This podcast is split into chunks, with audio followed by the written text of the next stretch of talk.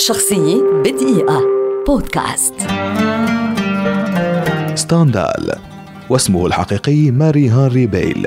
روائي فرنسي كبير يعد أحد أبرز وجوه الأدب الفرنسي والعالمي في القرن التاسع عشر ولد عام 1783 شارك في الحرب صغيرا وكانت له تجارب قاسية جعلته يبدأ الكتابة في سن مبكرة. اتسمت أفكاره الرومانسية الطابع بسخرية بارعة وبنفاذ نادر إلى أعماق النفس البشرية وبنزوع واضح إلى النقد الاجتماعي. تأتي أهمية أدب ستاندال في التحليل النفسي الواقعي للشخصيات وكانت علاقته بالثقافة الإيطالية مصدرا لإغناء تجربته كما كان اهتمامه بالموسيقى مصدر غنى إضافيا آخر لهذه التجربة حيث كتب عن أهم العازفين في عصره مثل تشيماروزا وموزار وروسيني.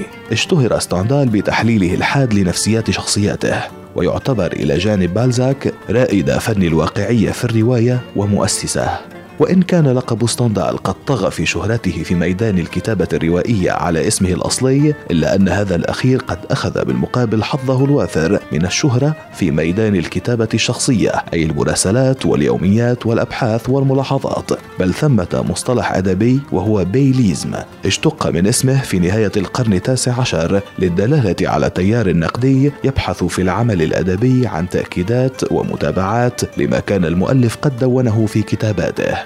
أشهر رواياته على الإطلاق كانت بعنوان الأحمر والأسود التي صدرت عام 1830 وتعد تحفة روائية خالدة إلى جانب روايات أخرى هامة أيضا مثل دير بارما وحياة هنري برولار. رحل ستاندال عام 1842 حافرا اسمه كواحد من أبرز كتاب الرواية الواقعية على مر التاريخ. شخصية بدقيقة. بودكاست.